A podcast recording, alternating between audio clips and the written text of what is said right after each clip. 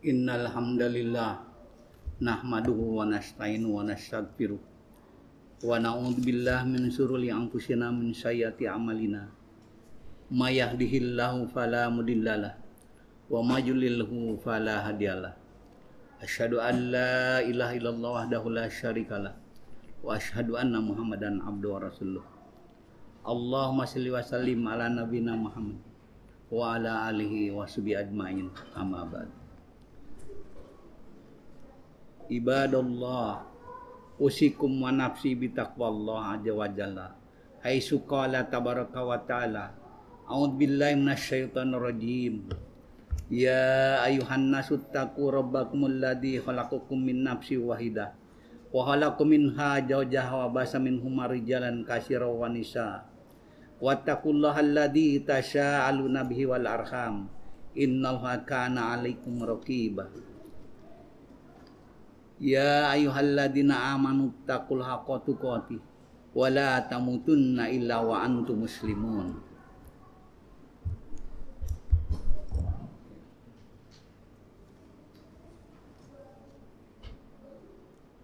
Hadirin jamaah salat Jumat yang dirahmati oleh Allah Subhanahu wa taala. Mari kita panjatkan puji dan syukur kehadirat Allah yang telah menganugerahkan kepada kita berbagai macam kenikmatan. Salah satu nikmatnya yang paling mahal adalah nikmat taufik dan hidayah, iman dan Islam.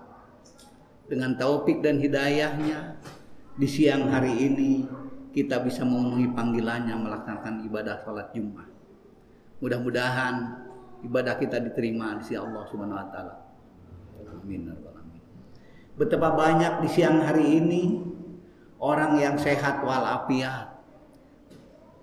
Tidak musafir, tidak ada udur sarmi.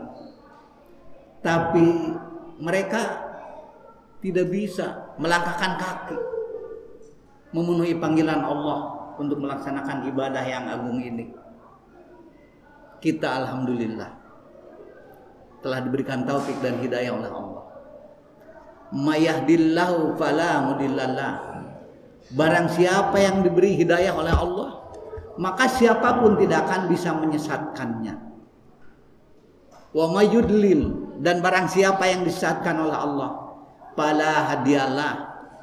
Maka siapa pun tidak bisa memberikan hidayah kepada kepadanya. Hadirin sidang Jumat rahimakumullah. Saya sebagai khotib tidak akan lupa akan menyampaikan wasiat takwa. Di mana wasiat takwa ini menjadikan rukun khutbah. Khutbah tidak sah kalau tidak ada wasiat takwa. Kenapa? Begitu pentingnya. Karena jamaah rahimakumullah di antara yang ke satu takwa adalah merupakan wasiat Allah untuk seluruh umat manusia. Dari mulai Nabi dan Rasul yang pertama sampai yang terakhir di antara inti ajarannya adalah ittaqullah supaya bertakwa kepada kepada Allah. Tidak ada seorang nabi dan seorang rasul pun yang mengajak umatnya untuk tidak bertakwa. Semua nabi dan rasul mengajak umatnya untuk bertakwa kepada Allah. Dalam surat An-Nisa Allah SWT berfirman, A'udzu billahi minasyaitonir rajim. Walaqad wasayna alladziina utul kitaba min qablikum wa iyyakum an Dan sungguh kami telah mewasiatkan kepada orang-orang yang telah kami beri kitab. Kepada ahli kitab yaitu Yahudi dan Nasrani sebelum kamu dan kepada kamu diwasiatkan yaitu supaya bertakwa kepada Allah Subhanahu wa taala. Dalam ayat ini jadi umat-umat yang dahulu baik ahli kitab Nasrani dan Yahudi itu diperintahkan oleh Allah Subhanahu wa taala untuk bertakwa kepada kepada Allah Subhanahu wa taala. Ini di antara keutamaan bertakwa. Yang kedua, takwa adalah merupakan solusi kehidupan. Sebagaimana dalam surat At-Talaq. Wa may yattaqillaha yaj'al lahu makhrajan wa yarzuqhu min haitsu la yahtasib. Barang siapa yang bertakwa kepada Allah, maka Allah akan berikan jalan keluar makhrajan, solusi. Dan Allah akan berikan rezeki di luar dugaannya. Jadi menurut ayat ini bisa dilihat dalam tafsir Ibnu Katsir dan tafsir yang lain ya, bahwa takwa adalah merupakan solusi semua permasalahan kehidupan, baik masalah yang uh, pribadi, keluarga, masyarakat, negara bahkan dunia. dunia. Kalau sekarang kita buka medsos, ya, media sosial, baik yang elektronik ataupun koran majalah dan sebagainya, itu hampir didominasi berita tentang masalah kehidupan. Di sana demo, sini demo, departemen ini begini begitu dan sebagainya dan sebagainya. Menurut para ulama, salah satu penyebab permasalahannya karena tidak bertak tidak bertakwa. Dan solusi yang paling tepat untuk menyelesaikannya adalah ittaqullah bertakwalah kepada kepada Allah. Menurut salah seorang orientalis mereka ya, dia mengamatin setelah menelaah ayat-ayat Al-Quran dan sunnah-sunnah Rasulullah SAW akhirnya mereka menyimpulkan bahwa solusi permasalahan dunia sekarang adalah dengan Al-Quran dan Sunnah katanya. Itu. Itu orang orientalis. Seandainya seorang orang muslim konsisten dengan ajaran Al-Quran dan As-Sunnah, dengan ajaran Islam, maka dia akan bisa menyelesaikan permasalahan-permasalahan Bahkan dia mengatakan permasalahan dunia pun itu akan solusinya adalah syariat Islam. Jadi kalau sekarang di negeri kita banyak permasalahan, itu salah satunya adalah mungkin karena kurang bertak kurang bertakwa. Kalau umat ini bertakwa, ketika dia diberi oleh Allah anugerah rezeki, maka dia akan bersyukur. Dan ketika diuji, maka dia akan bersa akan bersabar. Bukan tidak ada, kita melimpah. Tapi kenapa begini? Intinya karena tidak bertak bertakwa. Maka kalau sudah bertakwa, kita ini akan dicintai oleh Allah Subhanahu wa taala. Sebagaimana dalam surat Al Imran ayat 76. Fa innallaha yuhibbul muttaqin. Maka sesungguhnya Allah menyintai orang yang bertakwa. Kalau orang sudah dicintai oleh Allah, sudah diridhoi oleh Allah, apa pun yang ia inginkan maka akan tercapai. Dan apa pun yang ia takutkan maka akan terhindar. Dia menginginkan surga akan dapat surga dia takut dengan neraka maka terhindar dengan neraka dengan neraka. Yang berikutnya akan memperoleh kemuliaan. Sebagaimana dalam Al-Qur'an Inna akramakum indallahi atqakum. Sesungguhnya orang yang paling mulia dan tak kalian adalah orang yang bertak bertak kalau sebuah negeri, sebuah umat, ya, menurut para ulama, bertakwa maka dia akan derajatnya akan mulia di sisi Allah SWT. Seberapa kemuliaannya? Sebanding lurus dengan keimanan dan ketakwaannya. Semakin bertakwa, semakin mulia di sisi Allah SWT Subhanahu wa taala.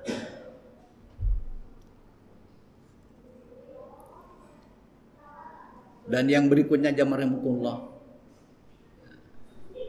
di antara keutamaan bertakwa adalah akan mendapatkan petunjuk sebagaimana dalam Al-Qur'an kita buku dalil muttaqin bahwa dengan Al-Quran ini akan menjadi petunjuk bagi orang yang bertakwa. Ketika ia bertakwa, maka Al-Quran akan menjadikan petunjuk baginya. Tapi ketika dia tidak bertakwa, maka Al-Quran itu tidak akan menjadikan petunjuk. Maka dengan demikian jamarakumullah. Solusi untuk permasalahan hidup kita, baik secara individu, keluarga, bermasyarakat, ya, lingkungan tingkat RT, RW, negara, bahkan dunia, solusinya adalah ittaqullah bertakwalah kepada kepada Allah. Walaupun pemimpinnya lulusan luar negeri, gelarnya berderet panjang, profesor, doktor dan sebagainya, ahli ini, ahli itu dan sebagainya, tapi tidak bertakwa kepada Allah, tidak akan menyelesaikan masa masalah. Jadi yang harus dibangun bukan saja materi, tapi ruha ruhani. Apa artinya gedung-gedung mencakar langit? Semuanya punya mobil mewah. Tapi yang keluar dari gedung mewah, dari mobil mewah, hakikatnya bukan manusia, tapi di mata Allah bina, binatang. Kalau kita buka dalam Al-Quran, sejarah umat-umat yang dahulu, umat-umat yang dibinasakan oleh Allah Subhanahu wa Ta'ala, dari umat Nabi Nuh, kaum Ad, kaum Samud dan ke sininya. Itu mereka itu pada saat itu sedang puncak-puncaknya kebudayaan. Sedang maju-majunya ekonomi.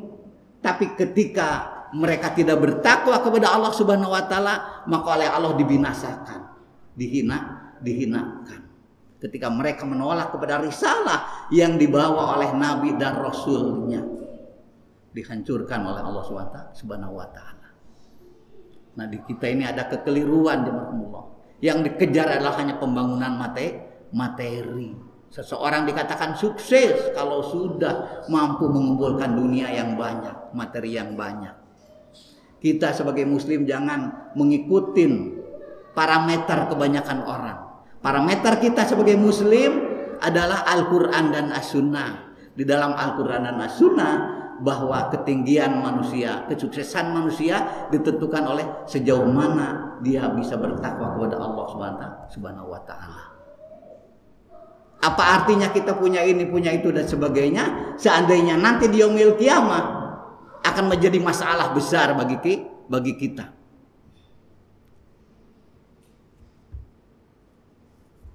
Kita sukses ya secara dunia, gelar tinggi, dapat ini, dapat itu dan sebagainya, tapi ruhani kita kosong, tidak mencapai ketakwaan.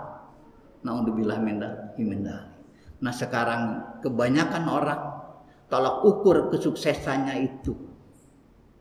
Jadi tolak ukurnya adalah status sosial, mate, materi, bukan ketakwaan.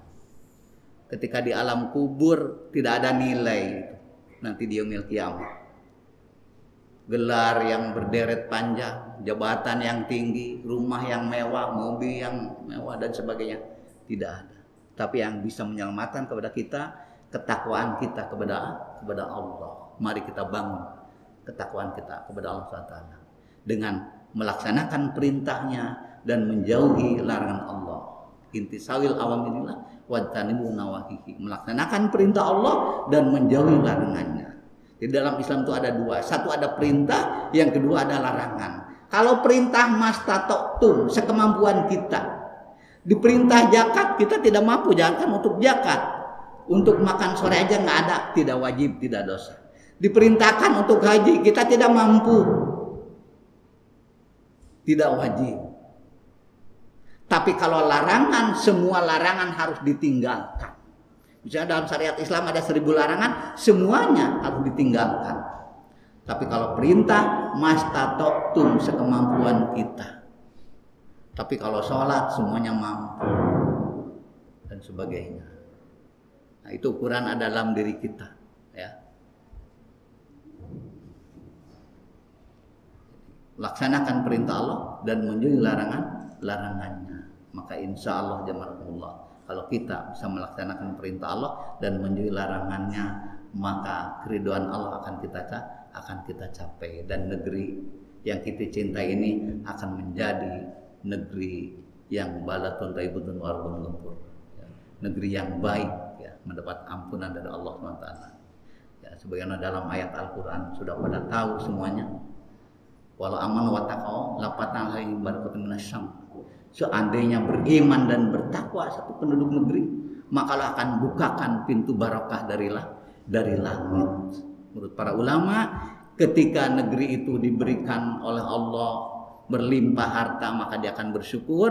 Ketika pada satu saat diuji maka dia akan bersa bersabar. Betapa indahnya sebuah negeri sebuah umat sebuah masyarakat. Kalau di satu sisi dia bersyukur di sisi lain dia bersa bersabar. Mudah-mudahan Allah memberikan taufik dan hidayah kepada kita sehingga kita menjadi orang yang bertakwa kepada Allah SWT barakallahu li wa lakum bil qur'anil azim wa nafa'ani wa iyyakum bima fihi minal ayati wa dzikril hakim. Aku qouli hada wa astaghfirullah li wa lakum min kulli dhanbin fastaghfiruhu innahu wal ghafurur rahim. Innal hamdalillah nahmaduhu wa nasta'inu wa nastaghfiruh wa na'udzu billahi min syururi anfusina min sayyiati a'malina. May yahdihillahu fala mudhillalah wa may yudlilhu fala hadiyalah asyhadu an la ilaha illallah wahdahu la syarikalah wa asyhadu anna muhammadan abduhu wa rasuluh Qala Allah Ta'ala fil Qur'anil Karim A'udzu billahi minasyaitonir rajim Bismillahirrahmanirrahim. Wal 'asr.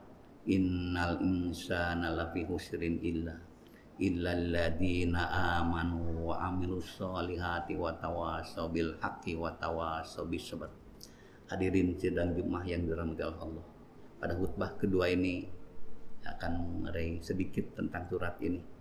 Menurut Imam Syafi'i kandungan surat ini begitu dalamnya dan luas. Seandainya surat yang lain tidak diturunkan hanya surat ini saja, tapi diimani, dihayati dan diamalkan sudah cukup membuat manusia bahagia dan selamat dunia dan akhirat. Surat ini pendek sekali. Ayat yang pertama Allah bersumpah wal as demi masa, demi waktu. Innal insana lafi Sesungguhnya manusia berada dalam kerugian. Orang yang diberi hidup di dunia, diberi umur oleh Allah akan rugi. Kecuali mengisi umurnya illalladina aman. Yang ke satu beriman. Yang kedua wa amilu solihat beramal solih. Dan yang ketiga watawasaw bil haq saling menasehati di antara kita dalam kebenaran. Dan yang keempat, watawasobisme, saling menasihati dalam kesabaran. Keisaan Ansori menyimpulkan dari surat ini komitmen Muslim terhadap Islam yang kesatu mengimani Islam. Setelah mengimani Islam, mengilmui Islam, mempelajari Islam. Setelah mengilmui Islam, mempelajari Islam, kemudian mengamalkan Islam wa amilus salihat dan setelah mengamalkan Islam watawasau bil haq mendakwahkan Islam dan setelah mendakwahkan Islam watawasau bisu bersabar dalam berislam. Kenapa? Karena kalau orang beriman akan diuji oleh Allah SWT, orang berilmu akan diuji, orang beramal akan diuji, orang yang dakwah akan diuji, maka ujungnya harus bersabar dalam menghadapi kehidupan ini. Kita tinggal sebentar lagi, sabarlah di jalan Allah dan Rasulnya. Allahumma salli ala nabiyina Muhammadin wa ala alihi wa ajmain. Rabbana innana amanna faghfir lana dzunubana wa qina adzabannar. Rabbana innana sami'na munadiya yunadi lil iman. Lil imani an aminu bi fa amanna. Rabbana faghfir lana dzunubana wa kafir anna sayyi'atina wa tawaffana ma'al abrar. Rabbana ighfir lana wa li walidayna warhamhum kama rabbayana shighara. Rabbana hab lana min azwajina wa ayuni waj'alna lil muttaqina imama. Allahumma ala hayamin innaka samiun qaribun mujibud da'wat Rabbana atina fid dunya hasanatan wa fil akhirati hasanatan wa qina adzabannar. Subhana rabbika rabbil amma yasifun. Wa salamun alal mursalin. Walhamdulillahi rabbil alamin. Wala dzikrullahi akbar